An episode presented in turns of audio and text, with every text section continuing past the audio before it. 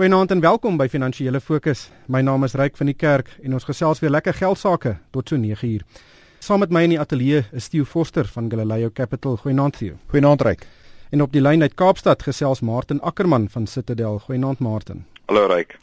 Wel ons gaan vanaand uh, lekker gesels oor die JSE wat die week weer tot nuwe hoogtes gestyg het.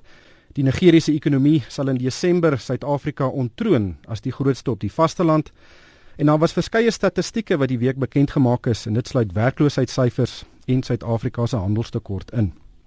Maar kom ons begin by die storie oor Nigerië se ekonomie. Die land is besig om die omvang van sy ekonomie te herbereken en ons sal in Desember die eerste herberekende syfers sien. En daar is sommige aanduidings dat die ekonomie tot 50% groter kan wees as bestaande ramings.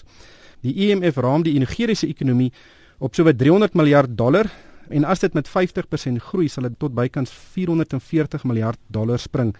Nou Suid-Afrika se BBP staan tans op so wat 355 miljard dollar.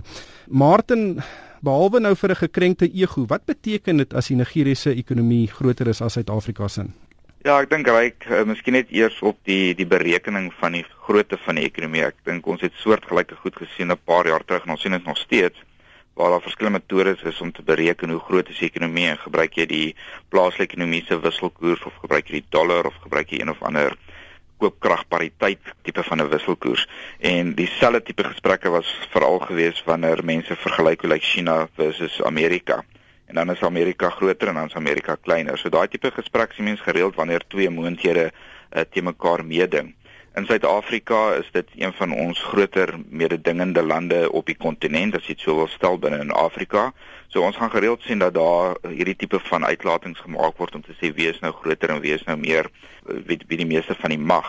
Maar ek dink wat wel belangrik is is nie noodwendig wat die nommer vir ons wys en wat die IMF sê nie, maar ons kan reeds sien dat daar is kompetisie van van daardie kant van Afrika af. Ehm um, as jy byvoorbeeld net kyk na van die syfers wat hierdie week uitgekom het of dit nou Shoprite is of Famous Brands beide van hulle is um, is besig om taamlik sterk in Nigerië in te groei en van hulle syfers wat hulle hierdie week bekend gemaak het is ondersteun deur wat in daardie mark aan die gang is.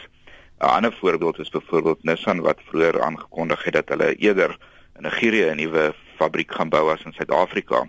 So dit is nie net die grootte van die ekonomie nie, maar dit is ook die mate van hoe maklik dit is om besigheid te doen en watter tipe van ehm um, winde van voor jy kry in Suid-Afrika op hierdie stadium teenoor ander plekke in Afrika. So ja, ek dink dit is iets wat ons in in in gedagte moet hou dat ehm um, ons is nie meer die grootste ekonomie of die mees magtigste ekonomie in Afrika nie.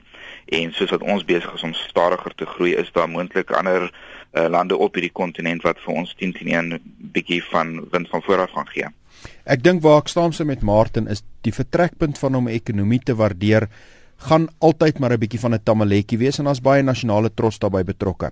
Ek dink as 'n mens 'n paar goed gaan nee, ek gaan terug na wat die IMF gesê het, is basies is daar net 9 lande in Afrika wat se ekonomie gemeet word op 'n standaard wat hulle sê dis aanvaarbaar met die beste in die wêreld. So dis die een kant alhoewel dit groter moontlik gaan wees, um, is die effek daarvan dat 'n mens moet baie versigtig wees oor die meting en die metingstandaard waarin is.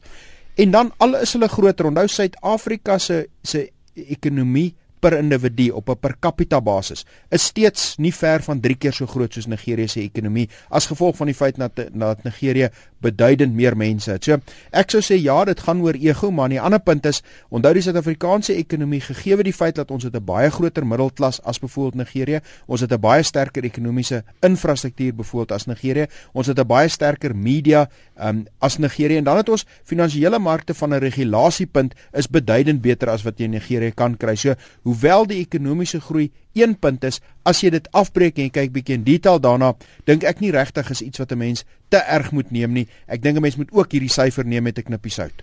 Wel ek was al in Nigerië en ek dink die grootte van die informele ekonomie is baie baie groter as byvoorbeeld in Suid-Afrika en daai meting daarvan is is baie moeilik. Maar die jongste Ease of Doing Business peiling wat die Wêreldbank die week uitgereik het, wys dat Nigerië is nommer 147ste op die lys van 189 lande. Suid-Afrika is 41ste. So dit wys ook dit is baie baie moeilik vir 'n formele besigheid om daar eh, 'n winkel oop te maak. Wel, sit net een punt daarbey. Ons gaan nou aan die een kant sien die BBP wat vergroot is en kom ons sê dis met 40 of 50% soos die aanduiding is. As jy nou gaan meet byvoorbeeld die hoeveelheid belastings wat hulle verdien dan kom jy agter dat of daai BBP is totaal ongereguleerd en is dit dis baie van 'n duimsuig of eenvoudig 'n beduidende deel van die Nigeriese ekonomie is nie deel van die formele sektor nie. Want as jy gaan kyk na die belastinginkomste relatief tot die grootte van die ekonomie, dan is dit baie makliker om te sê maar hier is 'n magtige informele ekonomie wat ongereguleer is, ongestruktureer is, onmeetbaar is en wat nie regtig tot uh, aktief hmm. bydra tot die staatskas nie. Maar Martin, dit wys ook dat die dinamika van ekonomiese ontwikkeling op die vasteland besig is om te verander. Um baie lande soos Nigerië groei vinniger as Suid-Afrika en as dit vir die volgende dekade voortduur, gaan sake baie anders lyk kom 2020 en 2030. Kom ons vergelyk Afrika met die res van die wêreld dan sou ons tipies, jy weet, die die Amerika gewees het van van Afrika en die groei wat ons sien veral in die noorde van Afrika of uh, Sub-Sahara is maar wat in China gebeur. So dit is groot populasies ehm um, wat bereid is om teen goedkoper arbeidsvergoeding te werk. So dit skep vir hulle op hierdie stadium 'n mededingendheid dat ten spyte van die feit dat dit dalk moeilik is om besigheid daar te doen en dat hulle 'n bietjie ander issues het in terme van infrastruktuur ensovoorts, het hulle teen teen 'n groter goedkoper arbeidsmark. En dit is teen teen waar die meeste van die lande begin om te industrialiseer en as gevolg daarvan kry hulle dan hoër groei as lande wat al 'n entjie gekom het soos Suid-Afrika. So as mens daarna kyk dan kan ons duidelik sien dat daar is 'n uh, oog uit die wêreld uh, uit op hierdie tipe van lande in Afrika in terme van groei geleenthede en ek bedoel ons ons plaaslike maatskappye gebruik ook daai geleentheid. Ons weet dat ons um, verbruik ons het 'n groot middelklas, maar die middelklas is besig om onder druk te kom. Daar's ook net 'n tot 'n sekere vlak waar ons groei uit ons middelklas uit kan kry en daarom sien ons dat van ons groter maatskappye kyk juis ook in Afrika in vir groei geleenthede in hmm. terme van om om te te kan kan baat uit van die groei wat ons op hierdie stadium sien in daai dele van Afrika.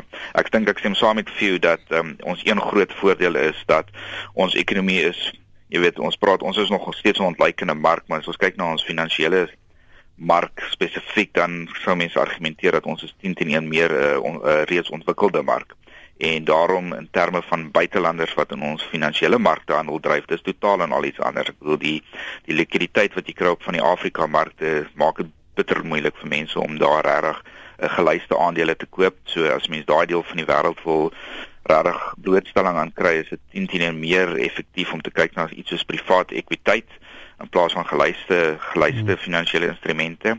Daar het Suid-Afrika reuse voordeel nog steeds in terme van ons welontwikkelde en hoog likwide finansiële markte. En dit sal altyd 'n voordeel wees nog vir 'n lang ruk want dit gaan 'n paar jaar vat vir die res van Afrika se markte om daarby uit te kom. Kom ons kyk 'n bietjie na ekonomiese syfers wat die week bekend gemaak is. Die werkloosheidskoers is uh, aangekondig op 24,7%, dis bietjie laer as die vorige ene. Dit was maar swakker as verwag. En die skokkendste statistiek Theo wat vir my uitgestaan het is dat die aantal jong mense in die land wat nie werk het nie is 49,9%.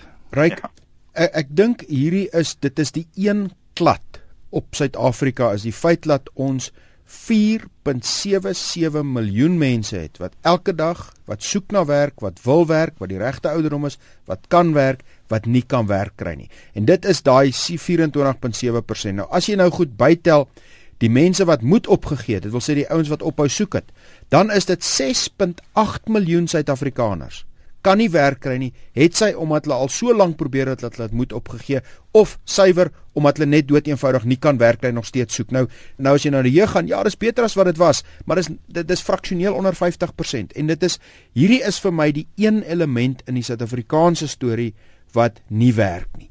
Jy kan nie in 'n land enige iets probeer aanpak, het sy sosiale omgewing, het sy dienste lewer, het sy kyk na opleiding, het sy kyk na opvoeding, het sy kyk na misdaad. As jy sit in 'n situasie wat 49.9% van jou jeug kan nie werk kry nie en 4.77 miljoen ouens soek werk, wil werk en kan nie werk kry nie. Dit is 'n klad en dit bly die een enkele element in Suid-Afrika wat ons sal moet op een of ander manier aangepas kry. Martin, die tyd haal ons in nog statistiek wat aangekondig is is dat die uh handelstekort het tot 18,9 miljard rand in September gestyg. Ehm um, dis 'n uh, bietjie laer as Augustus, maar sedert die begin van die jaar is die tekort nou 126 miljard rand. Uh, dis nog 'n strukturele probleem in ons ekonomie. Ja, nee, ek dink as jy as jy hierdie saam met die die werkloosheid kyk, dan beteken dit een ding, die rand gaan nog steeds onder druk bly. Ek bedoel die tekort het 'n bietjie verbeter, maar as jy regtig na die na die nommers gaan kyk, weet mense verwag het met die rand waar hy nou is moet ons 'n baie groter voordeel kry in terme van meer uitvoere. Ons sien dit nog steeds nie. 'n uh, deel daarvan is die feit dat ons kon nie uitvoer nie want ons het al hierdie tipe van stakings gehad. So ons kon nie die produkte produseer om uit te voer nie. So uitvoere het nie gedoen wat ons verwag het dit gaan doen nie. Aan die ander kant die invoere bly nog stadig ten spyte van 'n swakker verbruiker en die verbruiker wat onderdruk is en ons nie dat dit terugtrek nie. En die deel daarvan is dat baie van die goed wat ons invoer, moet ons invoer. Ons kan dit net nie plaaslik koop nie. So ja, 'n verbruiker wat onder druk kom, swakker ekonomiese groei behoort bietjie invoere terug te sny. Maar die ander ding is baie van daai goed word in elk geval ingevoer. Dit is deel van ons uh, tekort. Dit gaan altyd daar wees want daar is net nie plaaslike alternatiewe wat ons kan koop nie. So as ons kyk na hierdie syfers, ag ek wil nie eers praat oor die effense verbetering. Ek bedoel die nommers wys ons steeds dat ons 10 10 hierdie kwartaal naby 7% van die ekonomie gaan wees van BBP en teen daai tipe van uh, tekort nog steeds die grootste in ontleikende markte beteken dit dat die rand 10 teen 1 maar nog taamlik onder druk gaan bly en ons het nog nie eers gesien dat jy weet daar 'n uh, verandering in kapitaalvloei is as gevolg van buitelanders wat geld wil uitneem uit die land nie. Dis nog 'n ander ding wat kan gebeur sodra die Amerikaners begin om hulle stimulus te verwyder. As jy al daai goed bymekaar sit, beteken dit een ding, ons ons rand is definitief um, moontlik onder nog meer druk vorentoe. Sien kom ons gesels 'n bietjie oor die beurs. Die beurs het hierdie week weer 'n hele paar rekordhoogtepunte bereik en ek dink is nou die derde week in 'n ry dat ons op hierdie program nuwe hoogtepunte van die beurs bespreek. Die sprokiesverhaal duur voort. Almal verwag dat 'n wolf iewers gaan uitspring, maar op die oomblik is die paadjie nog baie mooi en in in die storie mooi. Ryk, ja, ek dink maar as jy nou gaan kyk na die regte syfers om te sê dat jy 'n groei van as jy saam met dividende optel 'n groei van byvoorbeeld rondom 30% oor 12 maande. Ek dink die vertrekpunt is eerstens dit is nie houdbaar nie. Jy moenie verwag dat hierdie tipe groei kan in die langtermyn voortduur nie. Jy dood eenvoudig kan dit nie. Die langtermyn gemiddelde groei vir die JSE is iets soos 12.5%. So, wanneer jy hierdie fase skryf van 30% groei, dis uitstekend want dit help almal, of jy nou 'n pensioenfondsbelegger is of jy direkte belegger is, dit help almal, maar die punt van die saak is moenie dink dat dit gaan aanhou nie. Maar wat ek tog dink ek ons moet uitlig. As jy byvoorbeeld vir Richemont Naspers, Essa Brouwery, as jy 'n klompie van daai aandele uithaal, dan is daai groei amper helfte van wat dit is op die syfer.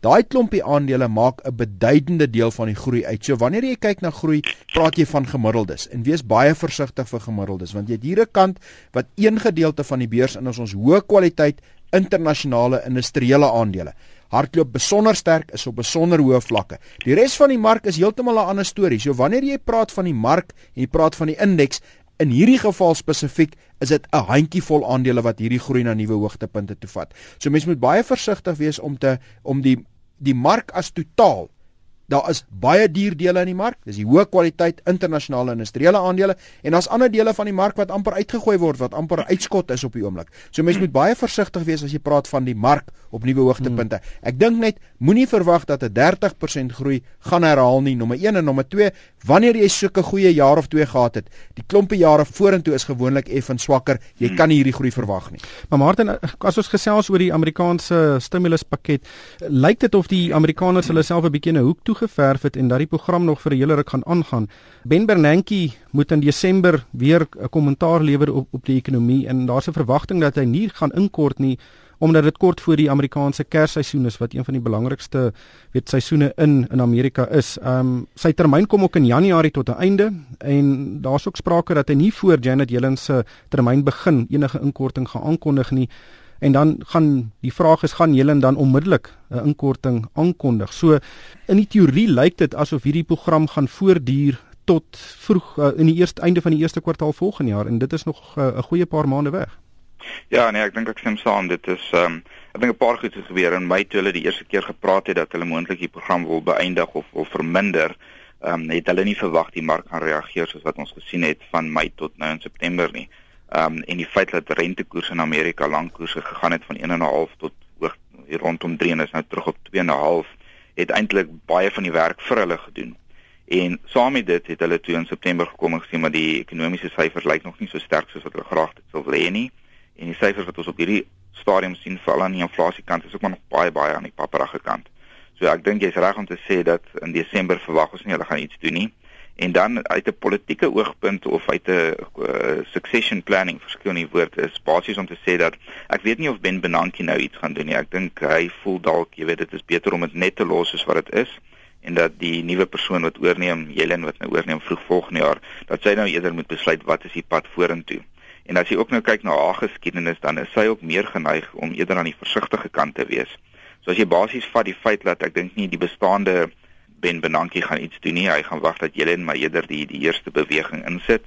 Die feit dat sy meer aan die negatiewe kant is en aan onderliggend is die ekonomie nog nie so sterk soos wat ons verwag nie, dan ja, die vroegste wat dit moontlik kan gebeur is vroeg volgende jaar, hulle praat hierso van Maart maar ek sal nie verbaas wees as dit selfs later in in 2014 eers deurkom nie.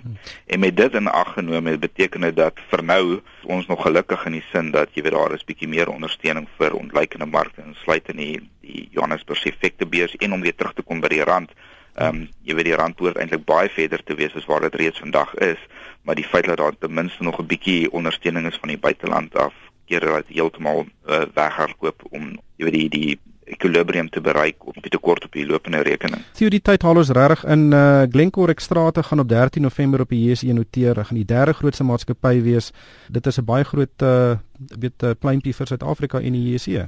Ja, ek dink dit is dit beteken tog dat Suid-Afrika onthou die wêreldekonomiese forum het die JSE aangewys vir die tweede of derde jaar na ry nou reeds as die bes gereguleerde mark in die wêreld. En ek dink as jy daai tipe van statuur kan handhaaf, dan gaan jy groot besighede kry soos Glencore wat noteer en ek dink dit gee net meer keuses vir beleggers en dit wys tog vertroue in ons finansiële stelsel. Nou mense sal hoop dat dat soos die tyd aangaan dat 'n mens al meer van hierdie multinasjonale besighede kry vir wie dit sin maak om in Suid-Afrika en in Johannesburg ook te noteer.